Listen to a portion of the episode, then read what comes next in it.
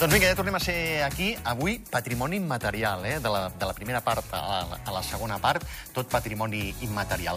Parlàvem de Pedra Seca, parlem de l'ossa d'Ordino. I ho volem fer amb l'Albert Roig, president de l'Associació de Cultura Popular d'Ordino. Bona tarda, Albert. Bon, benvingut. Moltes gràcies, eh, bona tarda.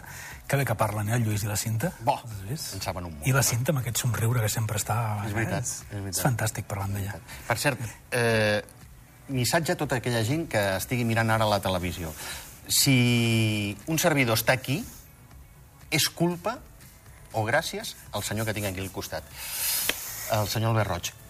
Que aquella època vostè se'm feia dir el tigre d'Ers, encara me'n recordo, i ara em diuen Torito. Però, bueno. Doncs, eh, ja, jo ja me'n perdo. M'agrada més el del tigre, eh? Però, però bé. Però aquella època ho veiem tot amb eh, l'aigua clara, no? Sí, l'aigua clara i ens divertíem molt i, i ho passàvem molt bé, molt bé. Era una, era una estona molt, molt, molt, molt agradable i molt esperada per mi durant el dia, no? Quan preparàvem el programa, fèiem, etc.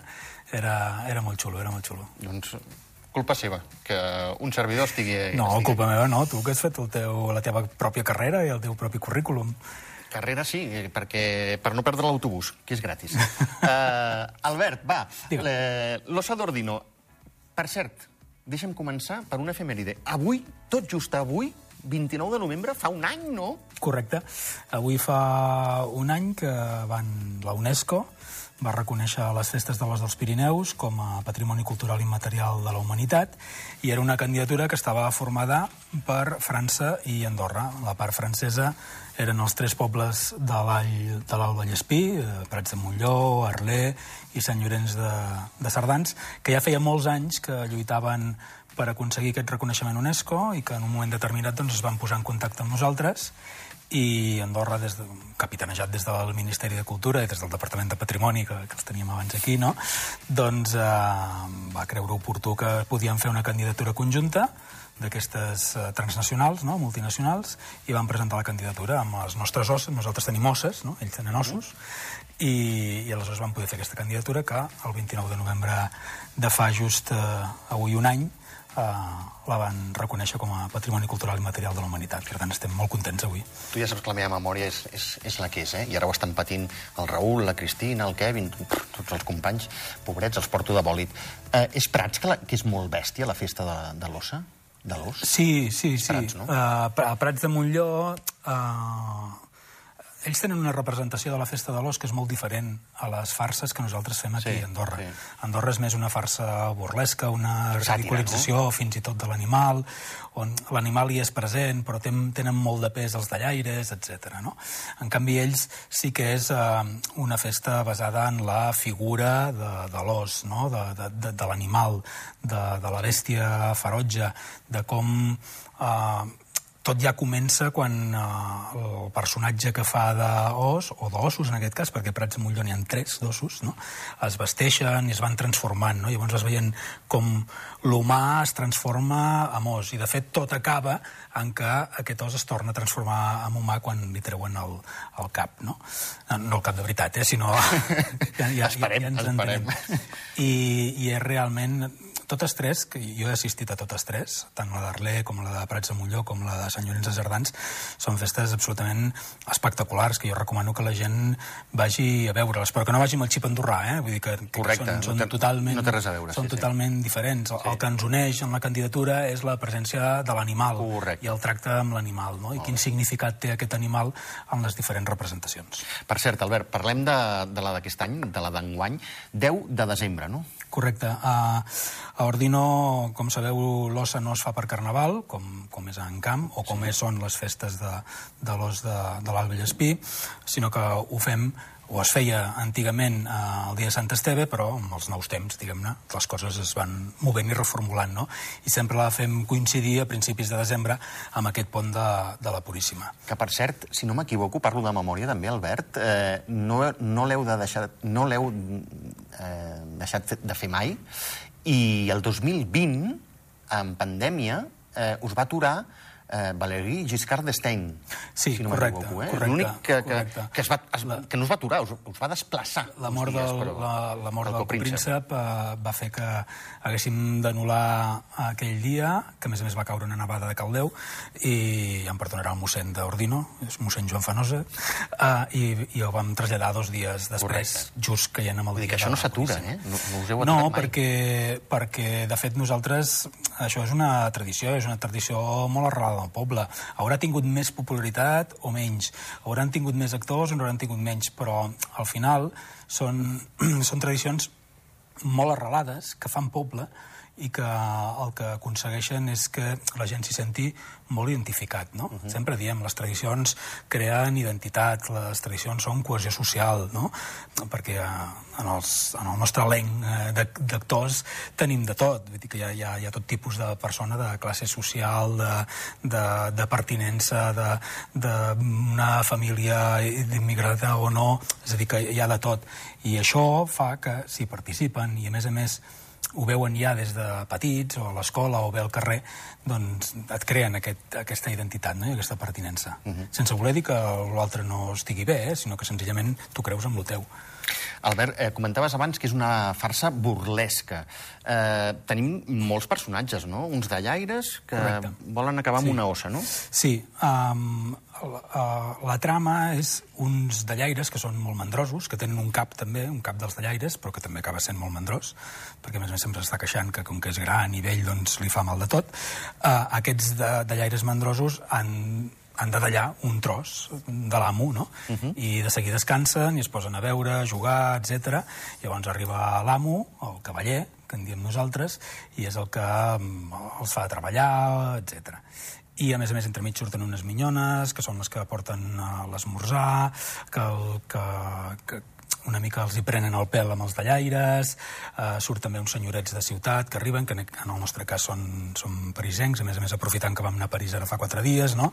Doncs eh, és una senyoreta i un senyoret que, que venen de París, eh, que queden admirats a Andorra, llavors veuen uns dallaires allà pudents, i entremig surt l'ossa. A veure si ens entenem. Surt moltes vegades, eh? Però vull dir que... La, I en diem farsa burlesca perquè els diàlegs que tenen els dallaires, que té el cavaller, etc aquests diàlegs són satírics. Et fiquen amb la, amb la realitat política i social que hi ha hagut durant el darrer any a, a la parròquia. I bé, hi ha anys que mm, potser algú se salva, hi ha altres anys que ningú se salva, però que en tot cas sempre està molt lligat a, L'actualitat i no? de, sí, de la parròquia. Per això et deia que la gent s'hi sent molt identificada, no? perquè al final quan va veure, Clar. no va veure una representació que sempre és la mateixa, sinó que el que va veure són això, els diàlegs... Amb qui A veure què ha passat aquest any, no? Exacte, no? Exacte. A veure què ha passat aquest any. Eh, no puc deixar passar l'oportunitat. Eh, has dit fa quatre dies vam estar a París. Sí, en, sí, en el, el... Ara no me'n recordo exactament la data, em sembla que va ser el segon cap de setmana de setembre, quan es van celebrar les jornades del patrimoni cultural immaterial. Les jornades de patrimoni cultural aquest any estaven dedicades al patrimoni immaterial. I llavors la UNESCO ens va convidar a Andorra a fer la representació de les dues farses, és a dir, la d'Encamp i la nostra, a, a París. I vam actuar allà als, als jardins de la UNESCO, amb la Torre Eiffel al darrere, i vam estar allà. Nosaltres el que vam fer va ser adaptar l'obra, no? És a dir, uh -huh. doncs això que et deia, no? Mm, explicacions en francès, una mica d'identitat també, perquè hi ha un moment en què els joves de Llaires doncs, reciten dos articles de la Constitució explicant qui són els coprínceps, no? Monsieur Macron, i, etc. I, I la veritat és que va ser un viatge d'aquells d'anar i tornar, però ens ho vam passar uh, realment bé i la gent va disfrutar molt i els que ens van venir a veure bueno, re realment jo crec que igual no acabaven d'entendre gaire bé res, no? però, però sí que s'ho van passar bé i sobretot quan fèiem aquestes incursions en la llengua francesa i en temes que relacionen Andorra amb França. Abans, quan t'he dit que se'l celebrava l'Ossa d'Ordino el 10 de desembre, mm. eh, no hem dit l'hora, si no m'equivoco, perquè és una hora, permetem, estranya. Tres quarts de dotze. Sí. Però aquí hi ha trampa, no? Hi ha novetat en aquests tres quarts de dotze? Sí, ja, ja novetat. Nosaltres normalment sempre començàvem a les 12 i era una funció que durava mitja hora, com a molt. Mitja hora, si ens entreteníem, perquè normalment els actors s'entretenen, no? Uh, podia arribar a 40 minuts. Però què ha passat aquest any? Uh, ja, ja fa temps... A nosaltres sempre ens agrada parlar des de l'associació, no només amb l'ossa, sinó amb les falles, amb el carnaval, etc de fer un creixement sostingut, no? Mica en mica anar creixent. Uh, L'associació ha crescut, però és que les festes també. Llavors, clar, aquest any hem tingut molts més participants, és a dir, molta més gent que volia participar. Vam haver de, de dir prou que no podia haver-hi més gent, i llavors tenim en llista d'espera per si algú es fa mal aquests últims dies, que bueno, hi ha hagut un que s'ha fet mal i, i va amb el turmell enguixat i no podrà actuar, però, però, però té substitut, no? I aleshores el que vam veure va ser que podíem cuidant el que a nosaltres ens agrada molt cuidar, que és el planter, que podíem fer dues actuacions. Podíem fer l'actuació infantil, la de nens, és a dir, de nens fins a preadolescents, per entendre'ns, i després l'actuació dels grans, la, la tradicional, per dir-ho així.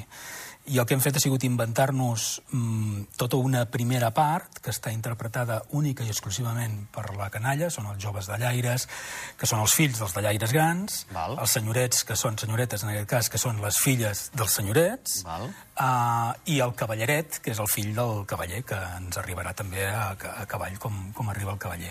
Llavors ens hem inventat un diàleg per ells i que el que fa és tal com es començarà, no? I en diem el despertar de l'osseta, uh -huh. perquè comença precisament amb l'ossa gran, que el que fa és trobar-se un nen dormint enmig de la palla i el transforma en osseta, el transforma en el seu cadell. Val. Llavors aquesta osseta és l'osseta protagonista de la trama dels joves de llaires. Carai, molt bé. I després ja enllacem amb, amb la tradicional dels grans. Tot, tot molt ben lligat, no? Perquè eh, Intentem. fills i filles Sí. de, de, dels mateixos personatges adults. Sí, Home, sí clar, bé. és que nosaltres teníem eh, canalla fins ara, però els teníem incorporats dins l'actuació, perquè no hi havia suficient Mhm. cos, diguem-ne, massa crítica, com per poder-ho fer.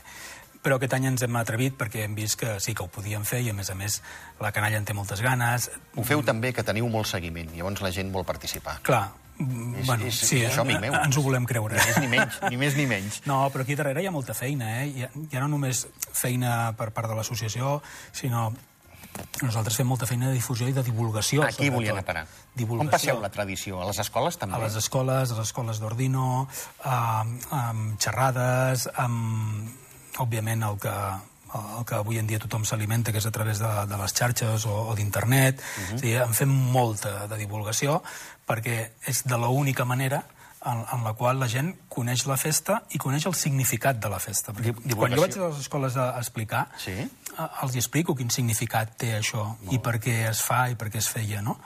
Eh, i per què es va començar a fer, que, no, que tampoc sabem quan es va començar a fer, no? però sí que els documents més antics són de l'Ossa d'Ordino, precisament. Eh, 1838, pot ser? 1838 és en Fra Tomàs eh, Junoy, que en la relació sobre la Vall d'Andorra és, la, és el primer document escrit que tenim Sí, senyor. en el qual es parla de- d'aquesta festa. I a més a més, en, en Tomàs Junoy, que és el vicari d'Anyós, recordem-ho, eh, no parla d'una parròquia específica, sinó que en parla en general. És a dir, la qual cosa que després comprovem amb relats orals, eh, a través de la memòria històrica de les diferents parròquies, diferents pobles, que era una festa que es feia, si no a tots els pobles, a quasi tots els pobles. I que cadascú es feia a la seva manera, eh? Vull dir que uns anaven a caçar l'ossa, ho portaven enmig de la plaça i les tocinaven. Ara, cosa que ara no seria permès fer, No, eh? és no, evident, no? no. Però vull dir que, que cadascú adaptava... eh, De fet, el que es tractava era d'anar a caçar l'ossa i que era una mica la, el significat de la relació aquesta de l'home amb la natura, no? Aquest any, el 1838, Albert, tu ja ho saps, eh, ja es parla dels personatges, però també es parla d'un ball posterior, no? Sí, perquè el, eh, la representació eh, acabava amb un, amb un ball i amb, i amb un menjar, per entendre'ns. És a dir, els joves de la, del poble, que, que normalment estaven agrupats amb el que es deia la quadrilla, que ara encara n'existeixen, a Canilló encara s'organitzen a través de quadrilles joves, no? A Ordino no, que és la comissió de joves, de, de comissió del jovent, um, però es deien la, es deien la quadrilla, i, i, i aquestes quadrilles eren les que s'encarregaven, eren els joves, mm, joves adolescents, eh? Sí. que s'encarregaven d'organitzar totes aquestes festes, les de Carnaval, les festes majors, és a dir, totes les festes que poguessin haver eren ells qui s'encarregaven d'organitzar-ho. Llavors, el, el, el que feien sempre era al final de la representació doncs acabaven ballant i per això se'n deien balls de l'ossa perquè acabàvem ballant eh, allà al mig eh, la dansa que fos en aquell moment eh? no hi havia una dansa concreta del ball de l'ossa sinó que cadascú feia la, la, la que volia i després acabaven amb un àpat que era normalment menjar que havien anat a recollir per les diferents cases i que s'emportaven i se'l jalaven allà al mig I el 10 de desembre a Ordino hi haurà ball? Nosaltres sempre acabem amb la farandola. És a dir, nosaltres el que vam adoptar va ser quan tenim la, la, música és molt important en una representació de cultura popular perquè és la, la que t'acaba identificant, no? Uh -huh. Tenim una composició inicial que està feta per l'Andreu Ferrer, un dels grallers dels Castellers d'Andorra, que els grallers toquen amb nosaltres en les actuacions, eh, que és aquesta que et deia del despertar de l'osseta, de, de l'ossa gran que es troba amb el nen i el converteix en cadell. Aquesta és una música feta expressament per, per la nostra representació i després, enmig de la representació, hi ha hi ha una cançó fixa dels, dels Dallaires, que està basada en la música de les ninetes d'Ordino, però amb la lletra adaptada pels Dallaires. Després n'hi pot haver alguna més pel mig, en la sàtira que dèiem, no? Uh -huh. I després, al final, acabem amb la farandola al voltant de l'ossa, i és quan eh, s'aixeca l'ossa, eh, és el, diguem-ne, una mica l'apoteosi final de, de la representació. Eh, convidat, eh, n'hi ha? Hi ha convidats? Eh... Què vols dir si hi ha convidats? Eh, si, si hi ha possibilitat de, de fer intercanvis amb d'altres eh, ciutats. Ah, ah d'acord, d'acord. Sí, sí, Molt està, ràpid, Albert. Sí, no, estava, estava previst que aquest any, en el marc de la celebració del primer aniversari, ens visitin els meres de Prats de Montlló, d'Arler, de Sant Llorenç de Cerdans, ve tota una àmplia delegació del Vallespí, eh, que encara està per acabar de terminar, però que seran entre 12 i 15 persones que, que ens visitaran i estaran allà presents. Albert Roig, gràcies. A vosaltres. És, és un professional, li hem dit ràpid i ho ha fet ràpid. I tots vosaltres, eh, recordeu, això continua a Ràdio Nacional d'Andorra, 94.2 de la freqüència modulada. Adéu-siau.